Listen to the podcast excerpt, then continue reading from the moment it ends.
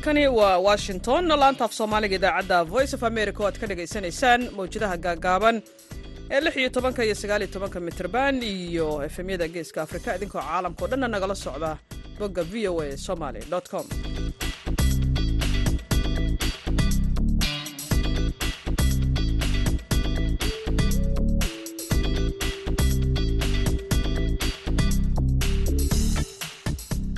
duhur wanaagsan dhegaystayaal dhammaantiinba waa maalin isniina sagaal iyo tobanka bisha sebtembar sanadka laba kun laba iyo labaatanka. Afrikada bari saacadda waxa ay tilmaamaysaa kowda iyo barka duhurnimo. Magaalada washington d c na waa lixda iyo barka.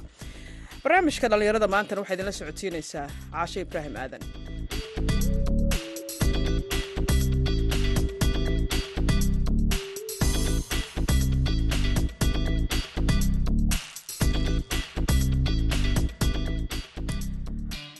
qodobada aad ku maqli doontaan idaacadda duhurnimona waxaa ka mid ah dhallinyaro bartay cilmiga caafimaadka oo xarumo lagu tababaro xirfadyahano caafimaad ka hirgeliyey magaalada laascaanood waxa ugu horreeya igu dhalay waxa weeyaan dhallinyaradii oo shaqla-aan ugu badan ay jirto. Marka sidaa darteed waxaan idhahday xirfaddii aan bartay waa inaan ka midho dhaliyo oo maskaxdaydii wixii laysoo bareen adeegsado dad qualitylen aan soo saarto maadaama dadka caafimaadka aada loogu baahan yahay oo ay tahay marka caafimaadku inta badan waxyaabaha daruuriga ee laga maarmaanka. Waxaa sidoo kale aad maqli doontaan dhallinyaro dhammaysatay jaamacadaha oo loo qabtay tababar ku saabsan qaabka loo ugaarsiga iyo shaqooyinka la xiriira xirfadaha ay barteen kaalimihii heesaha iyo waxaad maqli doontaan cayaarihii intaasoo dhan waxaa ka soo horreeya warka caalamka oo aan idiin akhriyo.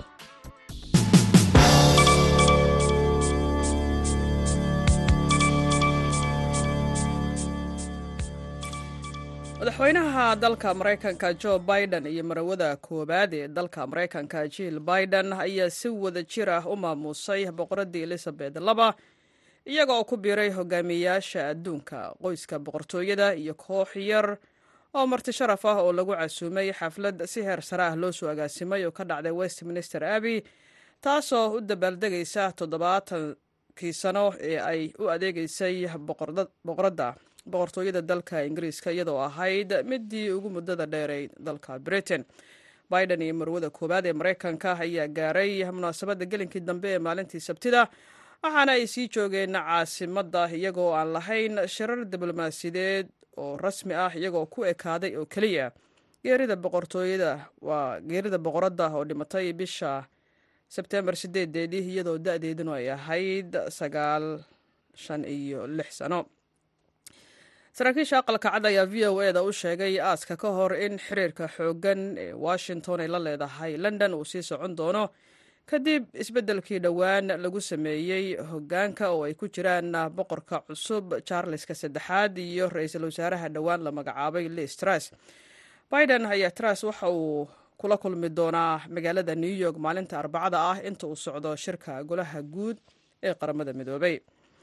Taalibaan ayaa isniintan waxa ay sii daysay mag fredigs oo ahaa la hayste maraykan ah oo ku haray dalka afghanistan kaasoo ay ku bedesheen bashiir nuurzai oo ahaa nin ka tirsan taalibaan oo daroogada kala gudbin jiray kaasoo xabsi daa'in ku qaadanayay xabsi ku yaalla dalkan maraykanka wasiirka arrimaha dibadda ee taalibaan amiir khan mutaqi ayaa warbaahinta ugu sheegay magaalada kaabuul in isdhaafsiga maxaabiista ee dowladdiisa iyo wafdi maraykan ah uu ka dhacay garoonka diyaaradaha ee caasimadda dalka afghanistan. Fredich oo ahaa ku dhowaad lixdan sano jir injineer maraykan ah iyo haliyay ciidamada badda ahaa ayaa waxaa lagu afduubtay horaantii sannadkii laba kun iyo labaatan markii ciidamada maraykanka iyo kuwa neeto ay la dagaalamayeen fallaagada taalibaan ee xilligaasna taageeraysay dowladda afghanistan oo ay reer galbeedku taageerayeen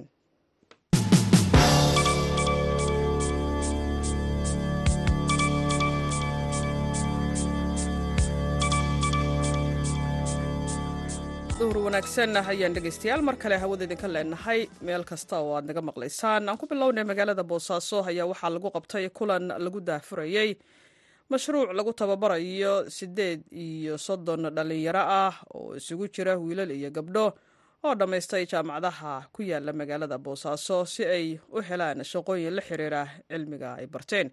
Yuusuf maxamuud yuusuf wariyaha v o e magaalada boosaaso ayaa warbixintan soo diray tobabarkan oo ay soo qabanqaabisay hay'adda kaalo ayaa muddo saddex bilood ah dhallinyarada tobabaro shaqo ku qaadanaya saddex iyo toban xarumood oo isugu jira kuwa dawli ah iyo weliba kuwa gaar loo leeyahay. Waxaana lagu tababarayaa cilmiga ay barteen si khibrad ay uga helaan ugana faa'iidaystaan fursadaha shaqo.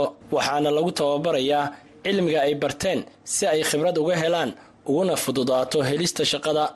Kuwa lagu tababari doono helidda fursadaha shaqo ayaa isugu jira wiilal iyo gabdho kuwaasoo muddo tababarka inta uu socdo lagu bari doono casharo ku dhiirigelin doonta sida ay uga bixi lahaayeen shaqo la'aanta iyo in ay fursad ugu helaan jidka u sahlaya raadinta shaqada iyo weliba fikradaha hal abuurka ganacsi. Maamulaha mashruucan shaqo nuur shiric cismaan ayaa sheegay in tani ay fursad u tahay wiilashan iyo gabdhahan. Inbal dhallinyarada jaamiciyiinta ah runtii nin ilaa iyo jaamacad ama gabar aan idhaahda ilaa iyo jaamacad waxbarasho soo waday oo shaqo aan helin waa ka niyad jab badan yahay. Qof ama sekondari ka baxay ama aid ka baxay oo shaqo raadinaya. Qof intaasoo sannadood soo waday oo shaqale aanay haysato wuxuu u baahan yahay wax dhiirigeliya oo fildigii waxbarashada ka kaxayo fildigii shaqada geeya. Taasaa waxay sababtay inaannu barnaamijka ku darsanno boosaaso gaar ahaan in dhallinyaradaas la meelayo. Laakiin waa soddon iyo siddeed. Soddon iyo siddeedda dhallinyarada ah muddo saddex biloodah ayaa hay'aduhu ay tababarayaan. Waxaannu ku talagallay marka in hay'aduhu ay xil weyn iska saaraan dhallinyarada tababarkeeda. Qof weliba waxa uu soo bartay. Saddex iyo toban hay'adood oo kala gedisan weeye oo saddex iyo toban fakaltis kale ah. Qaar ka mid a maamulayaasha jaamacadaha iyo weliba shirkadaha ganacsi ee magaalada boosaaso qaarkood ayaa dhallinyaradan u soo jeediyey inay ka faa'iidaystaan.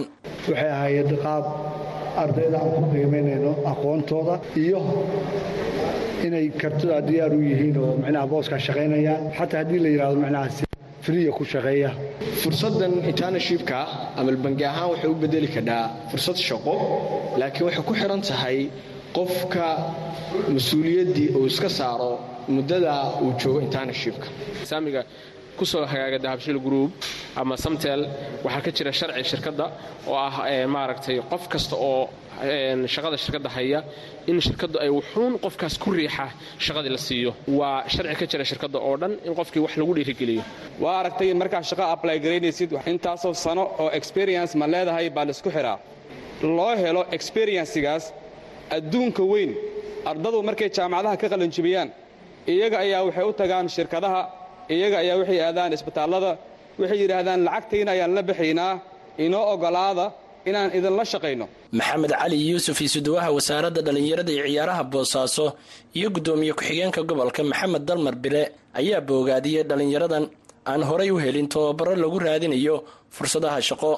Marka dhallinyarada waxaan ku boorinayaa fursadda aad hesheen inaad ka faa'iidaysataan wakhtina gelisaan in wax lagala haro oo dhaxal lagala haro ama aqoon lagala haro ama waayaaragnimo lagala haro tababarka iyo shaqooyinkaas aad ku qaadan doontaan. Aad iyo aad baan u soo dhowaynaynaa waxaanuna leenahay aad iyo aad baa u mahadsantihiin. Waxa weeye waxaanu hambalyo mar labaad ugu celinayaa heeddii kooniya heedda kaalo. Ardadana waxaan leeyahay dee dadaalkiinnii ilaahay idinku guuleeyo dhowr tobanka sano aad soo wadeen.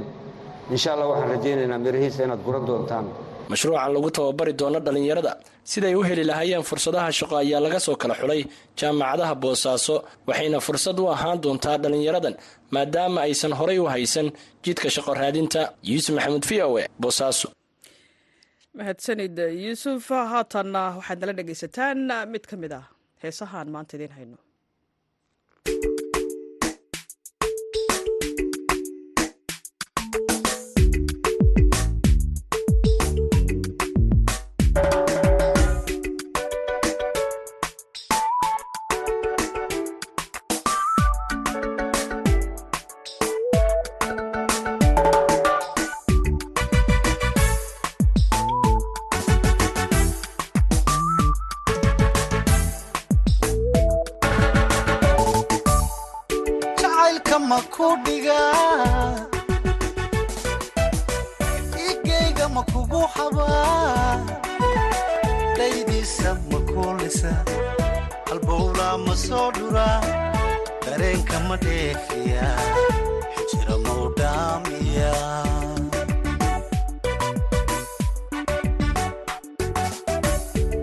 ku dhigaa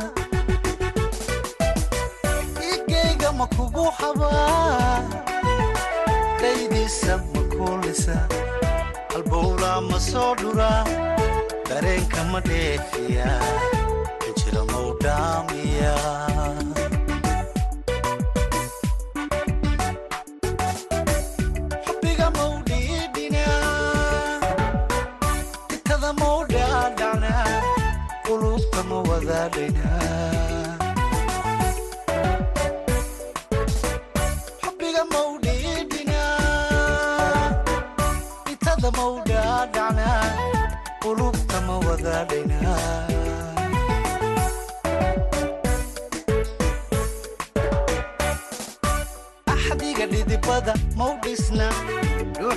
dhuuxeennana ma qaybsanna axdiga dhidibada mau dhisna. Dhuuxeennana ma qaybsanna dhallaan ma barbaarina. Dhaayaha ma ku doogsanaayo nolosha nolosha. Nolosha maysu dhaaran aa nolosha nolosha. Nolosha maysu dhaaran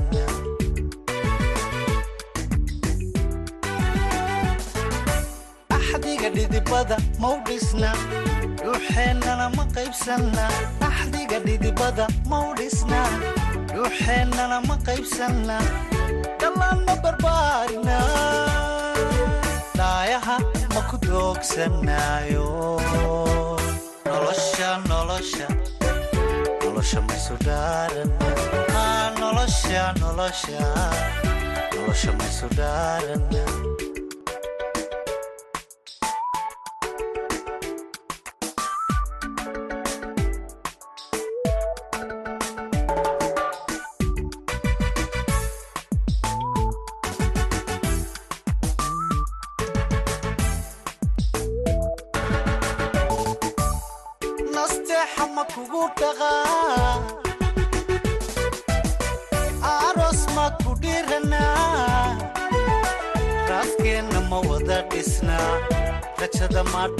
dhabaysannaa dhaliil ma ka baajinnaa farxadda ma la dhaygagnaa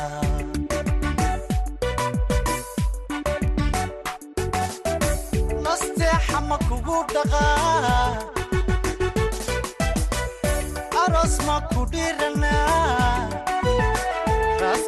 ma wada dhisnaa rajada ma dhabaysannaa dhaliil ma ka baajinnaa farxadda ma la dhaygagnaa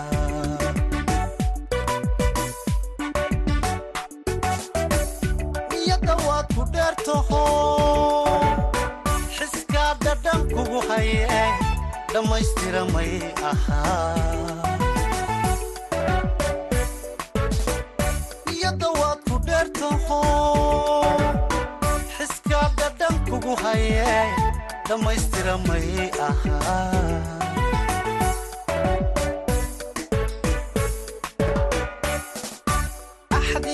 dhidibada mau dhisna? Dhuuxeennana ma qaybsanna? Axdiga dhidibada mau dhisna? Dhuuxeennana ma qaybsanna? Dhallaan ma barbaarina? Dhaayaha ma ku doogsanaayo nolosha nolosha. Nolosha maysu dhaaran aa nolosha nolosha.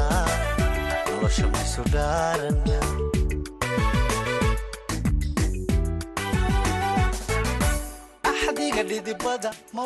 laanta af soomaaliga v o a ayaad dhegaysanaysaan si toosa ayay idinkaga imaaneysaa magaalada washington. Dhallinyarada jaamacadaha soo dhammaysta ee ku soo laabta gobolka sool ayaa xarumo caafimaad oo lagu barto. Arrimaha caafimaadka waxay ka hirgeliyeen gobolka sool xaruntani ayaa waxa ay soo saartaa xirfadyahano caafimaad kuwaasoo wax u tara dadka deegaanka. Doctor xibaaq saleebaan oo ka mid ah aasaasayaasha xaruntaasi ayaa waxay la hadashay wariyaha v o eda cabdikariim olol. Walaal waan ku dhowhay aad ba umahadsantihiin v o a. Maanta inaad nagu soo boqotaan xafiiskayga. Maxadka caafimaadka ee gobolka sool ee global and science college ayaan ka hay maamulka caafimaadka. Arday kala duwan oo isugu jira wiilal iyo gabdho ayaan tababarnaa halkan xirfadda caafimaadkan ku barnaa. Kuliyadaha aan hayno waxaa ka mid ah nersintii murweferigii iyo laboratoryga oo shaybaadhkiya waa kuliyadaha ugu badan xooga aanu saarno. Runtii waxaan soo saarnaa arday quality leh muddo laba sana ayay nagu qaadataa ardaydaas inaan tababarno. Xaqiiqatan markii aan furanay iyo maanta waxaa u dhexeeya farqi aada u weyn. Waxaan haynaa arday tayo iyo quality ku dhisan. Runtii waxa weeyaan caqabado badan waan kala kulannay markii furanay laakiin iminka waxa weyn ku guuleysanay inaan arday fara badan oo caafimaad oo oo dhan walba ka dhisan inaan soo saarno. Marka waxbarashada la soo dhameeyo dee jaamacadaha la dhameeyo dhalinyarada qaarkood ee gobolka sool qaar shaqaalay noqdaan qaar gobolka dib uguma soo noqdaan. Bal ka waran waxyaabaha adiga kugu dhaliyay inaad goob lagu tababaro dhalinyarada caafimaadka aad magaalada laascaanood ka hirgeliso. Wallaahi horta waxaa igu dhaliyey markii ugu horeysay jaamacadda aan dhiganayay bay taladii ku jirtay inaan furo si dadku ay uga faa'iidaystaan. Waxa ugu horreeya igu dhaliyay waxa weeyaan dhalinyaradii oo shaqla-aan ugu badan ay jirto. Marka sidaa darteed waxaan idhahday xirfadii aan bartay waa inaan ka midho dhaliyo oo maskaxdayda iyo wixii laysoo bareen adeegsado dad quality len aan soo saarto maadaama dadka caafimaadka aada loogu baahan yahay oo ay tahay marka caafimaadku inta badan waxyaabaha daruuriga ee laga maarmaanka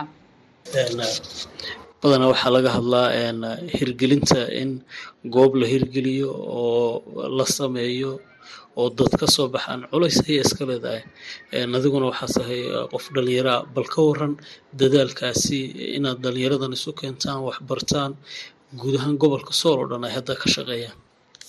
Wallaahi dadaalkaas muddo badan juhdi badan baan ku soo gelinay. Saddex sano gaadhaysa hadda waan ku guuleysanay alxamdulilah runtii aniga aasaasay cidna igamaysan caawin. Keligay fikradii gusoo gurtay bay ahayd. Haddana waan ku guuleystay waana ku faraxsanay runtii fikraddan aan soo kordhiyo soo kordhiyo. Bal ka waran baahida bal ka waran jirta dhanka caafimaadka waayo baahi badan baa jirta. Ardaydan oo kale maxay dabooleysaa si looga hortago dhibaatooyin badan oo dhanka caafimaadka? Hadday noqoto goobaha hooyada iyo dhallaanka hadday noqoto dhulka miyigo aada looga cawdo oo tuulooyinka dhalinyaradu markay soo bartaan ay ku adagtay inay tagaan oo kale maxay ka bedeleysaa dhanka caafimaadka degmada laasaano wallaahi horta saan ognahay baahida jirta iyo waxyaabaha aan inta badan soo saarno ay kala badan yihiin hase haatee annagu sannadkii dhoweyd waxaan bixinay ardaygan ka soo ururnay tuulooyinka oo aan u tababarno midwayfari umuliso ah se wuxuunaga qayb qaata marka ardayda aan tababarno si free oo bilaash ayaan ku qaadanay. Waa tira arday gaadhaysa labaatan arday labaatanka arday. Waxaan ka soo ururnay deegaanada kala duwan ee gobolka sool si aan ugu tababarno xirfadda caafimaadka. Hadhowtu markay dhameeyaan insha allah meelihii ka kala yimaadeen baan doonana inaan ku celino. Joojin mayno insha allah sanad kasta waan soo qaadan doonaa. Tira intaa leeg iyo ka badanba insha allah hibaaq marka jaamacadaha la dhameeya oo kale dee dhalinyaradu waxay ka cabataa dhanka shaqo la'aanta. Sidoo kale waxay sheegaan in shuruudaha lagu xidhayo dadku ay dhanka shaqo helistoo kale lagu adkeeyo. Bal ka waran marka jaamacadda soo dhamaysay inaad fikrad hal abuurtay goob caafimaad furtay bartaad shaqaalo noqon lahayd oo kale bal iga waran oo dad badan hadda soo saarayso boqolaal qof wallaahi dhalinyaradu inta ugu badan waxay aaminsan inay shaqo la'aan jirto laakiin shaqo la'aan ma jirta waxaa inagu inagu yar marka skilliskii iyo xirfaddii iyo hal abuurkii. Waddanka shaqooyin badan way yaalaan laakiin dadkii jaamacadaha ka soo baxayay ayaa inta badan hal abuur aanan lahayn marka sidaa darteed shaqooyin badan way buuxaan. Hal abuurku waa shayga ugu muhiimsan qof bili-aadana uu abuuran karo. Anigu inaan shaqo doontoon cv qorto waxaan ka doorbiday inaan anigu skilliskayga iyo xirfaddii aan bartay iyo maskaxdeeda anigoo tuujiyey markaas inaan adeegsado markaasi. Marka waddanka shaqa way taallaa ee maskaxdun bay u baahantay in la dhaqdhaqaajiyo markaasi. Ka waran wiilasha iyo hablaha waxaa la yidhi caafimaadka oo kale gabdhuhu door fiican bay ka qaateen oo way ku badan yihiin bal ka waran arrimahaas oo kale wallaahi gabdhuhu aad bay ugu badan yihiin caafimaadka maxaa goobaha waxbarashada gebi ahaanba gobolkana aad bay gabdhuhu ugu badan yihiin. Show inta badan ragguna kama maqna aad buu badan laakiin gabdhaha ayaa aada uga badan. Gabdhuhu inta badan door muhiim ayay ka qaataan caafimaadka iyo qaybihii kala duwanaa ee hadday ahaan tan walba bulshada ah. Talada aad soo jeedinayso dhalinyarada waxbaratay iyo goobaha caafimaadka iyo guud ahaanba ardayda aad u soo jeedinaysaan bahda caafimaadka wallaahi dhalinyarada waxbaratay waxaan talo soo jeedinayaa inay ka faa'iidaystaan xirfadooda iyo muxuahate xoogooda iyo maskaxdooda. Wadankana insha allah ay ku soo kordhiyaan waxyaaba badan. Wadanku waa wadankeeni intaan qurbo kale iyo meelo kale aan aadin lahayn. Waxa weeye xirfadii skilliska aan baranayna wadanka uga faa'iideyno insha allah taasaan ku dhiirigelin sidoo kale dhalinyaradu inay iska daayaan tahriibka iyo waxyaabaha markaasi iyo maandooriyaasha waxyaabaha inta badan qofka biniaadanka mashquuliya noloshana ka rida taasi waxay ahayd doctor xibaaq saleebaan gaas. Waxay u warramaysay wariyaha v o eda cabdikariim olol haatanna waa wararkii dhinaca ciyaaraha oo inoo haya cabdulqaadir maxamed mursal samakaab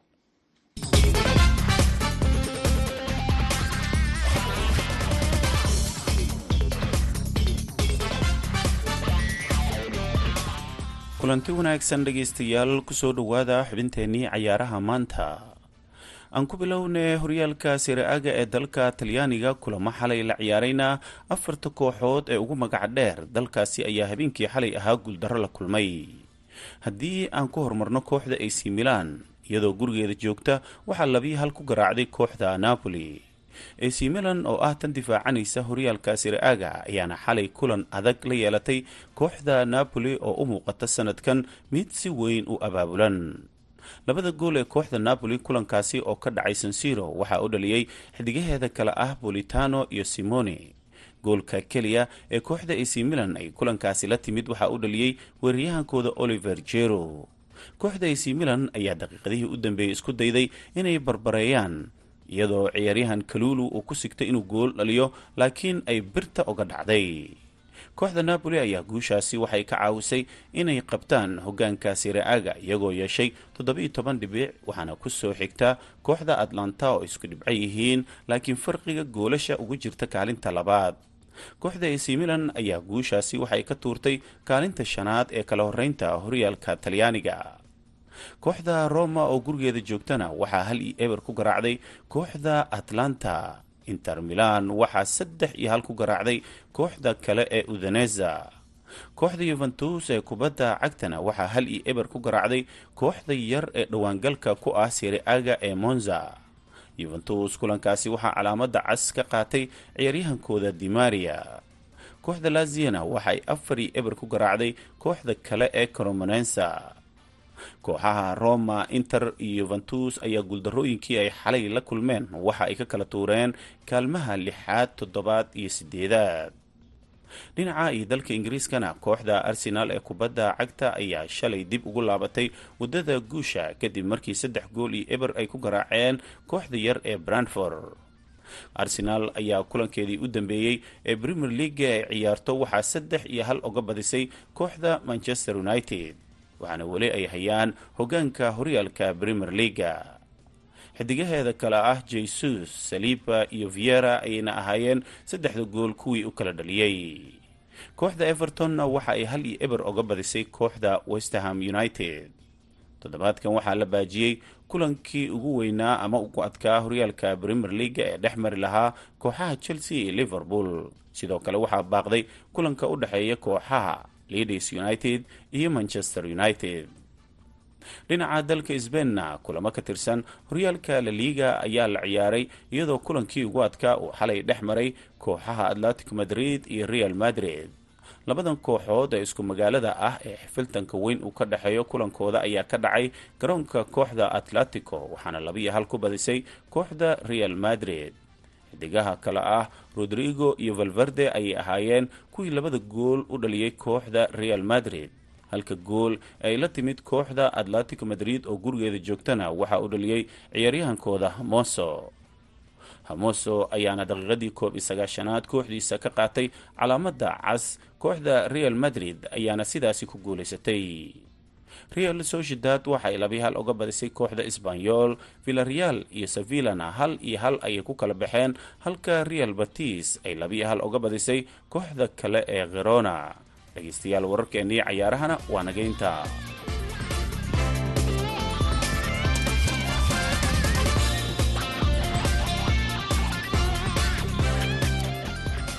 cabdulqaadir samakaab iyo wararkii dhinaca cayaaraha ayaan intaas uga gudbaynaa mar kale ayaan dib idinkugu celinaynaa. Heesihii aan idiin haynay maanta